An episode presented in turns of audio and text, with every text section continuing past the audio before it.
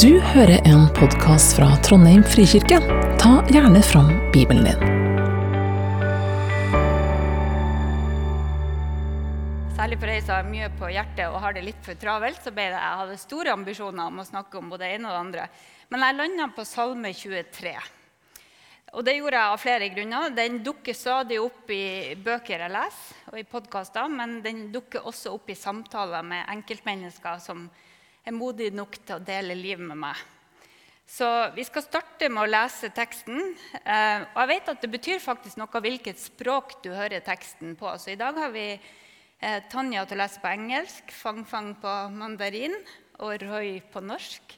Så hvis dere kunne komme fram og så lese dere én etter én, ta mikrofonen der, eh, så skal vi få høre så får dere den på Hvis vi blar ett hakk til Det var faktisk min jobb å bla, ja. Unnskyld. Takk.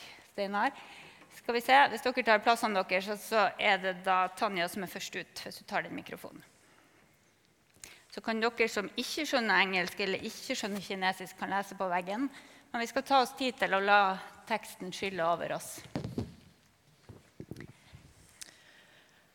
The Lord is my shepherd, I shall not want.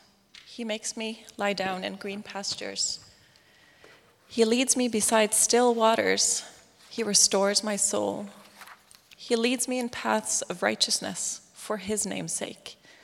Even though I walk through the valleys of the shadow of death, I will fear no evil, for you are with me. Your rod and your staff, they comfort me.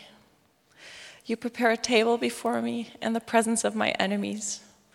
You anoint my head with oil, my cup overflows. Surely goodness and mercy shall follow me all the days of my life, and I shall dwell in the house of the Lord forever.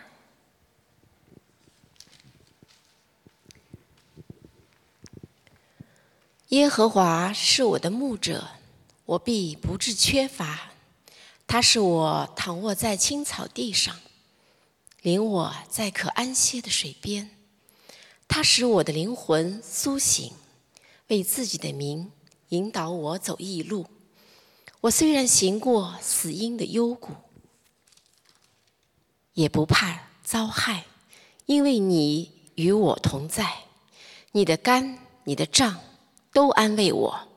在我敌人面前，你为我摆设宴席，你用油膏了我的头，使我的福杯满溢。我一生一世必有恩惠慈爱随着我。我且要住在耶和华的殿中，直到永远。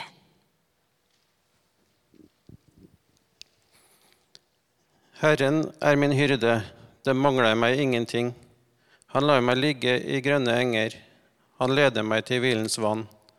Han fornyer min sjel, han fører meg på rettferdighetens stier for sitt navns skyld. Om jeg enn skulle vandre i dødsskyggens dal, frykter jeg ikke for vondt, for du er med meg, din kjepp og din stav, de trøster meg. Du dekker bord for meg, like for mine fienders øyne. Du salver mitt hode med olje, mitt beger flyter over. Bare godhet og miskunn skal det etterjage meg alle mine livets dager, og jeg skal bo i Herrens hus gjennom lange tider. Tusen takk. Amen. Salme 23 den er skrevet da fra perspektivet til en sau. Har du tenkt på det? Den antas å være skrevet av David for rundt eh, 1000 år før Kristus. Så dette er da en 3000 år gammel salme skrevet av en konge som hadde vært hyrde, eller gjetergutt, i nærheten av Betlehem, der han ble født og vokste opp. Og så er det jo sånn at Salme 23 brukes ofte i begravelser, men det er jo faktisk en, tale, nei, en salme som handler om å leve godt.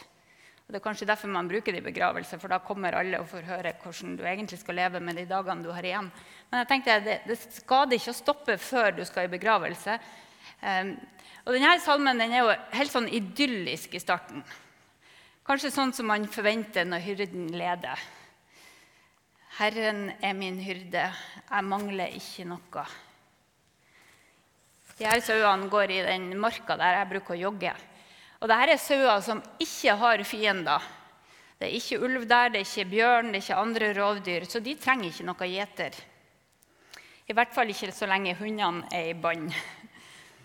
Og så er de ute bare i vår- og sommerhalvåret når det er nok mat, bare de er villige til å bevege seg litt rundt.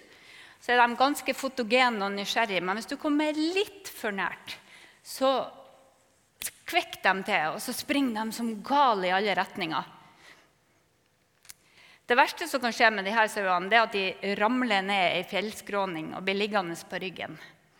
Jeg vet ikke om dere vet det, men Sauer som havner på ryggen, de kommer seg ikke rundt. De kan dø på ryggen.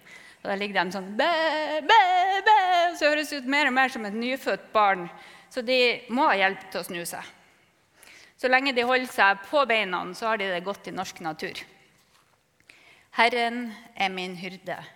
Jeg mangler ikke noe. Kan jeg si det samme om mitt liv, det som David sa? Kan du si det?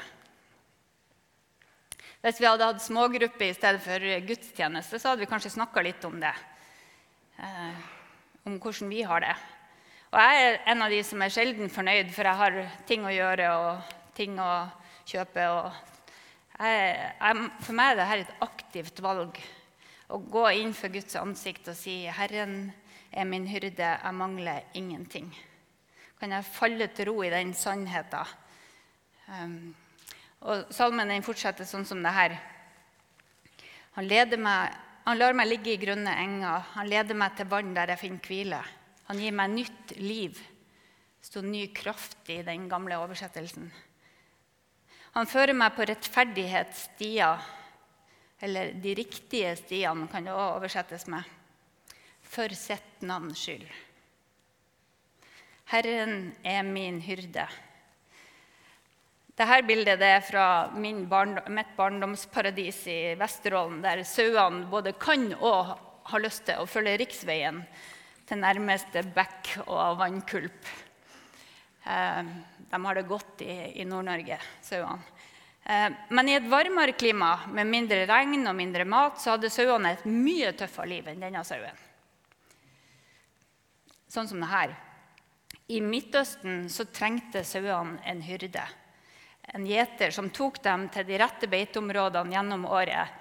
Ikke fordi at de skulle liksom passe på å få stadig, men for å få nok mat. Herren er min hyrde, sier David. Og han visste hva en hyrde gjorde. Og Så langt er det jo salmen fin, men så kommer denne setninga som jeg skal bruke mest tid på i dag. Eh, om jeg enn skulle vandre i dødsskyggens dal, frykter jeg ikke for noe ondt. I noen oversettelser så oversettes 'dødsskyggens dal' med 'dypt mørke'. Om jeg enn skulle vandre i dypt mørke, frykter jeg ikke for noe ondt, sier David. Og grunnen til at han ikke frykter, den kommer her. For du er med meg. Din kjepp og din stav, de trøster meg. Og For dere som ikke er så velkjent med gjetere, så hadde de altså en stav og en kjepp som var redskapene de brukte både for å jage vekk fiender og for å hjelpe sauen løs fra krattet eller heise han opp eller snu han når han datt på ryggen, og få den på rett vei. For du er med meg, sier David. Salme 23 den sier oss viktige ting om det å være menneske. Ja, i, faktisk om selve livet. Eh, og jeg skal trekke ut tre punkt med en gang, for punktliste må vi jo ha når en fysiker taler. Men tre punkt. Alle liv går gjennom mørket. Gjennom djupt mørke. Alle liv gjør det, før eller siden. Sånn er livet. Det vitna David om, og det kan dere vitne om. Og så Nummer to det er frykten som er den store trusselen, og som kan lamme oss. Ja, kanskje frykten er verre enn det som skjer. Er noen av dere som tar sorger på forskudd? Frykt og angst er ikke til å spøke med. Og den kan ta livet av veldig mange gode dager. Og for det tredje, og det er jo her håpet vårt er, det finnes et nærvær i alt mørke som er sterkere enn frykten. Det finnes et nærvær i alt mørke som er sterkere enn frykten. For du er med meg, sier David. Gud er til stede også i mørket. Og han beskytter, han leder, og han trøster. Men vi må se litt mer på hva vil det si å være hyrde, da, siden vi har så lite av det i Norge. Eh, og Jeg gravde litt i det. Jeg fikk anbefalt av Tanja denne boka eh, som heter 'A Shepherd Looks at Psalm 23'. Skrevet av en som heter Philip Keller. Han er ikke i slekt med han andre Keller som jeg bruker å sitere. Men Philip Keller han vokste, som, eh, han, var, han vokste, opp i Kenya, der han var gjeter. og Han sier at eh, det er store likheter mellom Midtøsten og Kenya. Og han skriver, han skriver følgende Sauer tar ikke vare på seg sjøl. De krever mer oppmerksomhet og omhyggelig pleie enn noen andre, andre klasser med husdyr. Og Jeg trodde jo at de var de mest selvstendige siden de var ute alene hele sommeren. Men eh, sånn var det ikke i Midtøsten. Kellerne skriver at en sau kunne bli drept av villdyr som ulv, og bjørn, og coyoter, og ørn og fjelløver. Og glupske hunder var heller ikke ufarlig for en sau. Og så kunne de få skabb. Jeg vet ikke om dere har hørt om det, men det var skrekken min da jeg var liten å få skabb. Det er noen som klør innmari. Og de kunne få lopper og parasitter. Så En av hyrden sine viktigste oppgaver var å lege sårene og redusere plagene og bli kvitt de parasittene. Og På Davids tid så hadde de mye moderne medikamenter, men de brukte olivenolje blanda med svovel og krydder. Og Det brukte de både som salve, og så smurte de det over ansiktet for å holde insektene unna nese og øyne. Hm, Sto det noe om 'du salver mitt hode med olje'? Det fikk plutselig litt mening når jeg leste om hva de her gjeterne gjorde. Sauene kan nemlig plages veldig av insekter. Dere vet jo hvor redde de er. sant? Sånn at Hvis en sau i en flokk blir litt gal av insekter som fer rundt hodet, så kunne en enkelt sau spre hele flokken. Og da var de sårbare for rovdyr. Da var det lett å ta den ene som var svak, som kom ut av flokken. Og det var også stor fare for at noen datt ned i ei steinur og måtte hjelpes. Så sauene, for å bli kvitt de her insektene som da er der i all varme, så kunne de komme til å skade seg ved å skrape seg. De skrapa hodet sitt på kratt og sånn for å bare få de vekk. Og så fikk de sår i stedet, som kunne føre til alvorlige infeksjoner. Og han, Philip Keller han sier at eh, det er noen ting som skal til for at en sau kan hvile. og det er at Han skal ikke være engstelig, han skal ikke være sulten, han skal ikke være plaga med noe, og han skal ikke være i konflikt med noen. Sauen klarer ikke å hvile uten hjelp når den er stressa. Og jeg, jeg, har vært sykemeldt i uke fordi jeg var stressa. Og jeg kjente bare så igjen kanskje jeg er mer lik en sau enn jeg liker å tenke. Eh, altså, Sauer trenger hjelp til å hvile. Så Poenget mitt her er at det er mye en hyrde måtte passe på. Han måtte verne om flokken sin 24 timer i døgnet, syv dager i uka. Og David visste hva han snakka om for han hadde erfaring. I et tørt og solbrent landskap så var det langt mellom de grønne engene. Når jeg springer i marka, så er det sånn. Det er grønt overalt, i hvert fall første delen av sommeren. Men i Midtøsten så var det sånn at når det var tørt og varmt, så måtte hyrdene lede sauene sine opp på fjellplatåene, der det fortsatt var beitemuligheter. Og når vinteren kom, så måtte han lede dem nedover igjen. Og Philip Keller sier at veien opp og ned den gikk gjennom farlige passasjer der villdyrene kunne ligge klar til angrep. Og det var farlig, men for å komme opp til de livsnødvendige høydedragene så måtte man gjennom de vanskelige partiene. Og her ser dere to bilder fra Israel, som antagelig er det landskapet som David var i. Og I det bildet til venstre så er det en bitte liten gjeter midt innimellom steinblokkene for at dere skal få skala. For dette er liksom ikke en bitte liten dal med småstein. Dette er en, en enorm kløft. Dette var dødsskyggens dal, sånn som David kjente dem. Her har rovdyrene en fordel, for de kan kaste seg frem og ta en sau. Og de har ingen steder å rømme. David skriver om jeg enn skulle vandre i dødsskyggens dal, frykter jeg ikke for noe ondt for du er med meg. Din kjepp og din stav, de trøster meg. Og Nå skal ikke jeg ta og opphøye lidelse til noe fint, men jeg finner trøst i at det er hyrden som leder også her. Også på de verste partiene. Han gjør det i starten av salmen når alt er idyllisk, og han gjør det fortsatt her. Og så er det sånn at Hyrden leder ikke gjennom dødsskyggens dal for å skremme dem eller for å lære dem noe. Han leder fordi at de må gjennom. Mørke daler er en del av livet. Så spørsmålet er egentlig ikke hvorfor. Livet er bare sånn. Det er sterkt, og det er skjørt på samme tid. Ja, livet er forferdelig i perioder, og man kan aldri snakke enkelt om det. Men vi må forholde oss til virkeligheten. Vi må ha ei tru som kan møte virkeligheten. Og det gjør denne salmen. Spørsmålet er ikke om, men om når vi opplever mørke eller tunge perioder. Og Det er det som er så tydelig i Salme 23. Thomas Sjødin har en tale som ligger ute på nett som heter 'Når livet brister'. Og Der sier han eh, veldig mye fint. og Jeg skal, jeg skal gi dere et par sitat. Det ene er det her um, Salme 23 er teologi for de svarte dagene i livet. En teologi som ikke svarer på hvorfor, men som gir ledetråder til hvordan, eller hvordan, for dere som snakker mer danna. Eh, hvordan går jeg gjennom og videre til, på vei til et annet sted? Det er det denne salmen handler om. Eh, I morgen er det 26 år siden vi fikk en datter med, med medfødt hjerneskade. og veldig dårlige prognoser. Hun er voksen nå, skal feire bursdag i morgen. selvfølgelig. Eh, det har gått utrolig bra, men det visste vi ikke da, i 1994. Vi ble kasta ut i det vanskeligste vi hadde opplevd. Alle drømmer ble knust. Og det, var, jeg husker ennå at det føltes som at noen trakk ned en lystett rullegardin rett foran ansiktet mitt.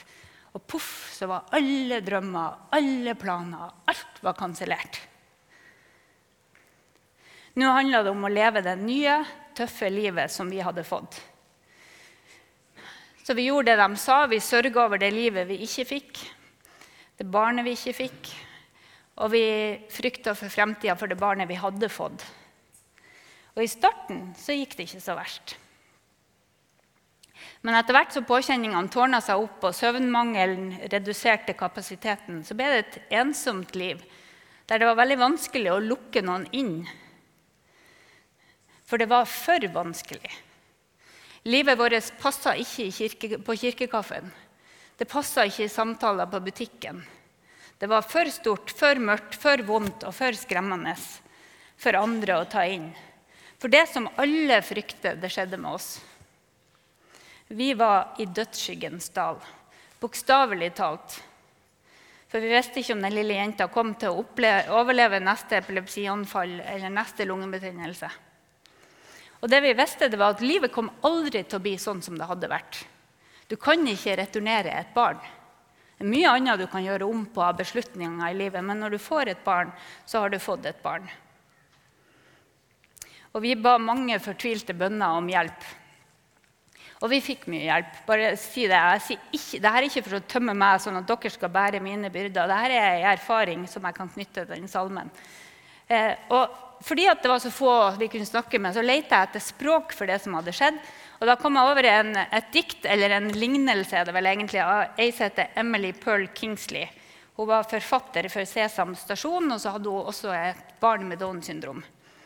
Eh, jeg vet ikke om dere har hørt dette diktet, men det er hvert fall første gangen jeg leste fra talerstolen her. Det heter 'Velkommen til Nederland'.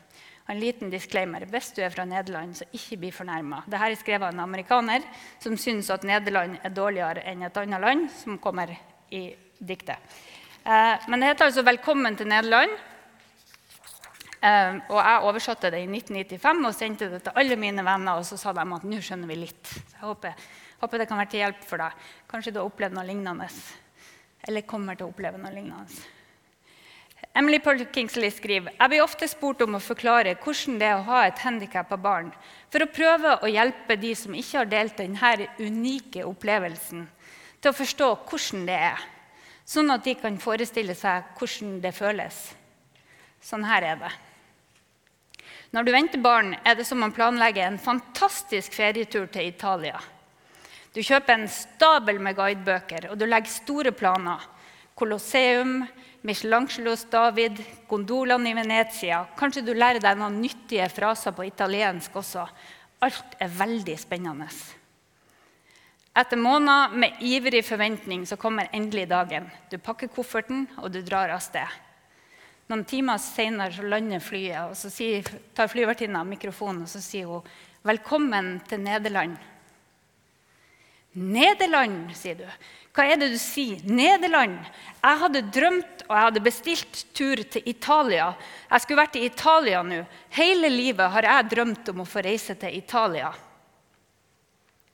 Men det er en endring i flyets rute. De har landa i Nederland, og der må du bli. Det viktige er at de har ikke tatt deg med til et forferdelig skittent sted fullt av nød og sykdom. De har bare tatt deg til et annet sted.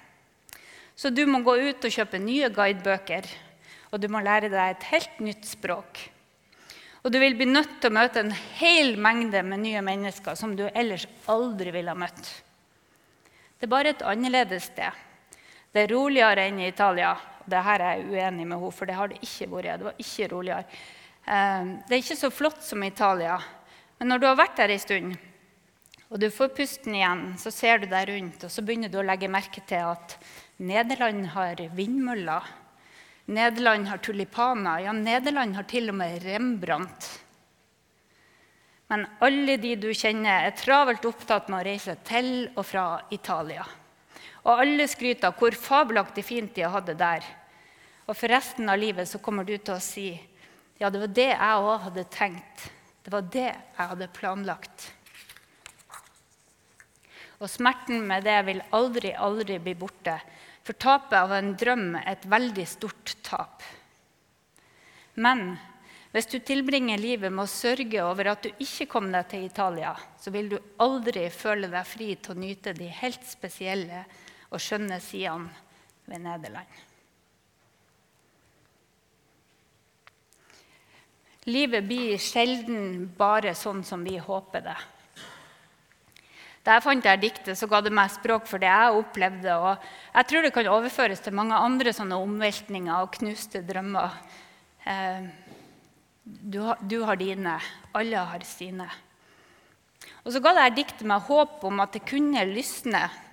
At vi kunne finne noen nye gleder etterpå. Når jeg ser tilbake, så erfarte vi jo dødsskyggens dal. Plutselig var vi kasta ut i et djupt mørke. Men etter hvert så fikk vi noen nye drømmer. Men først måtte vi jobbe oss gjennom sorgen og erkjenne at det her var sånn som livet vårt var nå. Vi kunne ikke flykte fra det livet. Du kan ikke flykte fra ditt liv.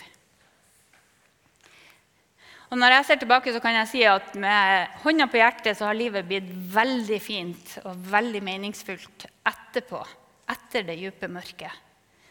Det er fortsatt ikke lett, men hvem har sagt at livet skal være lett? Hvor har vi det ifra?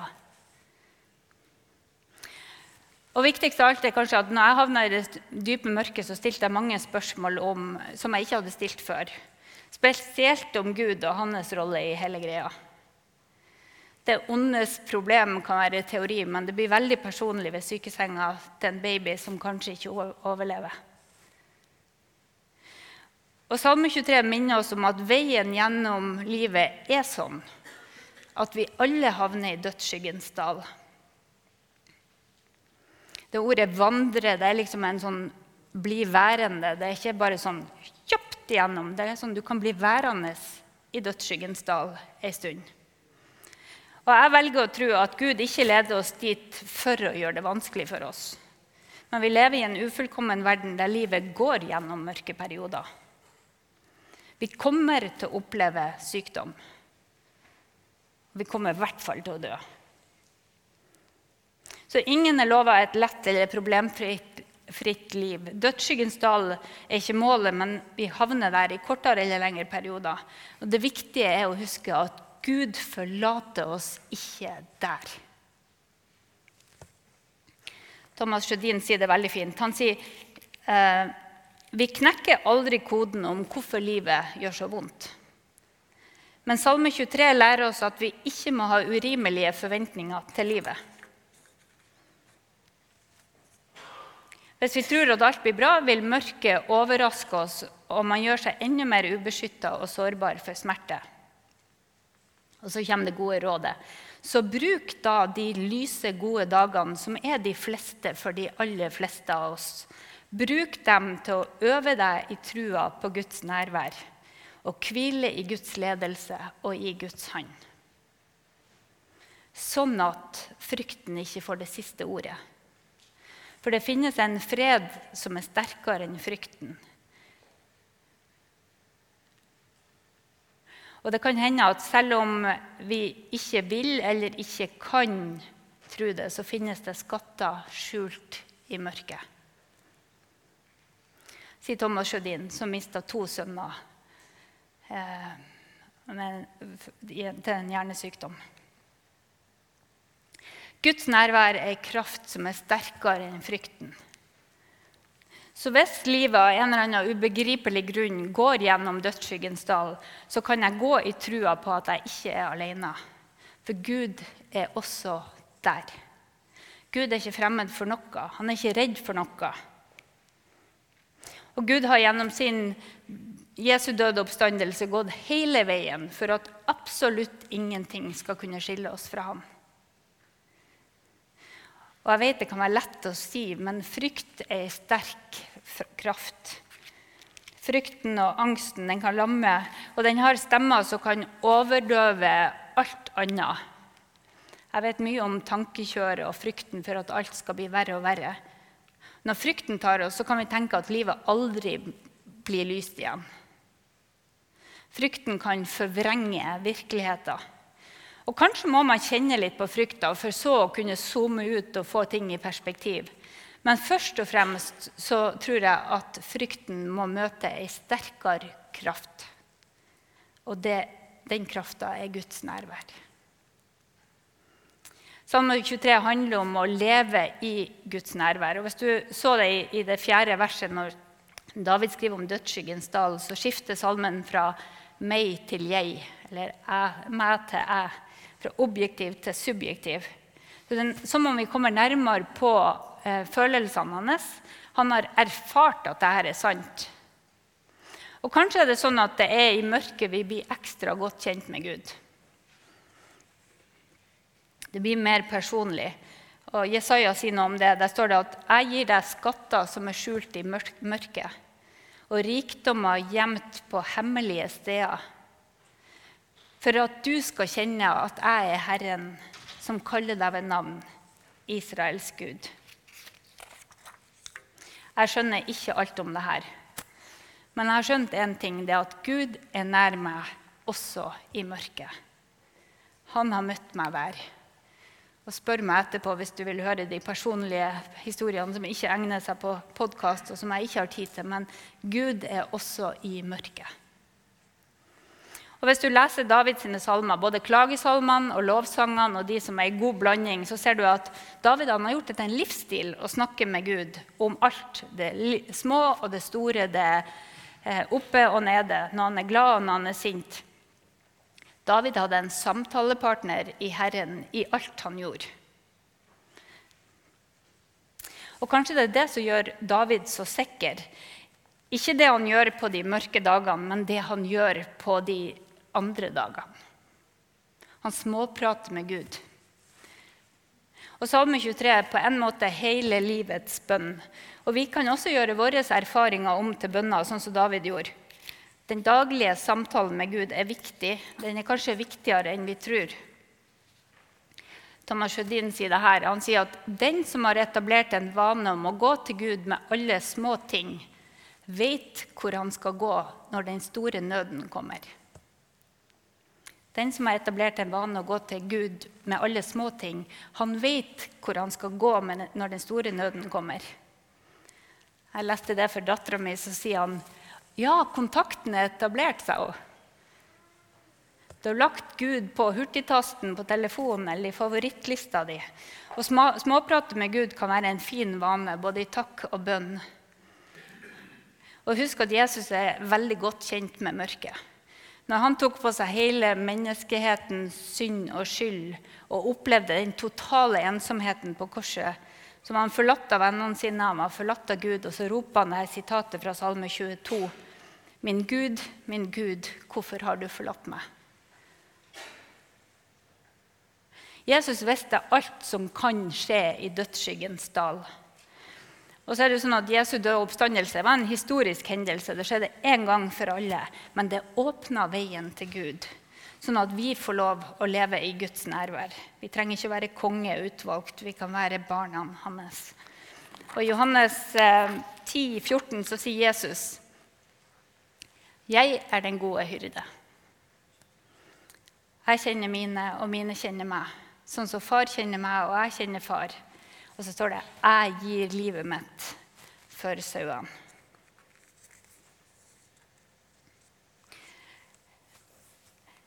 Herren er min hyrde, skrev David 1000 år tidligere.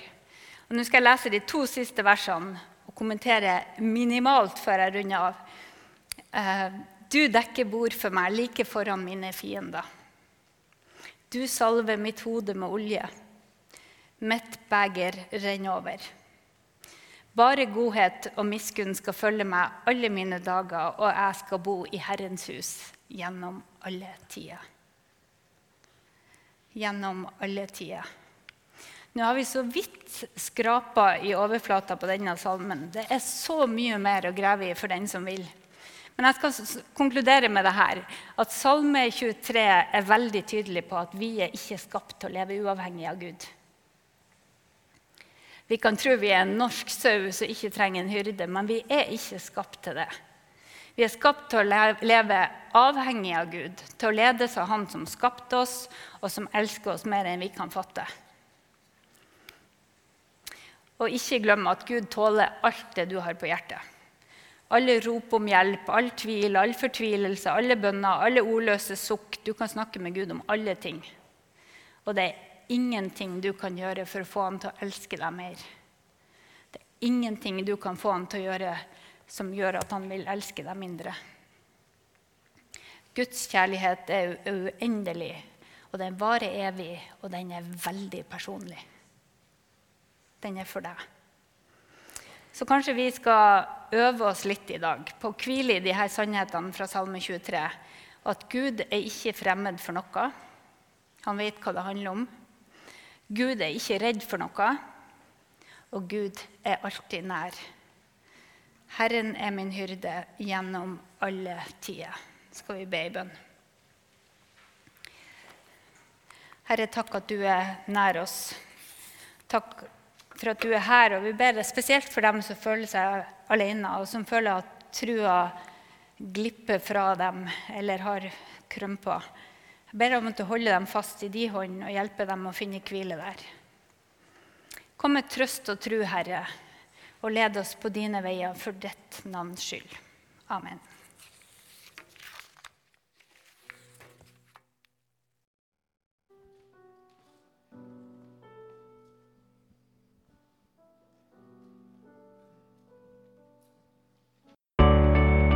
For at du hørte på.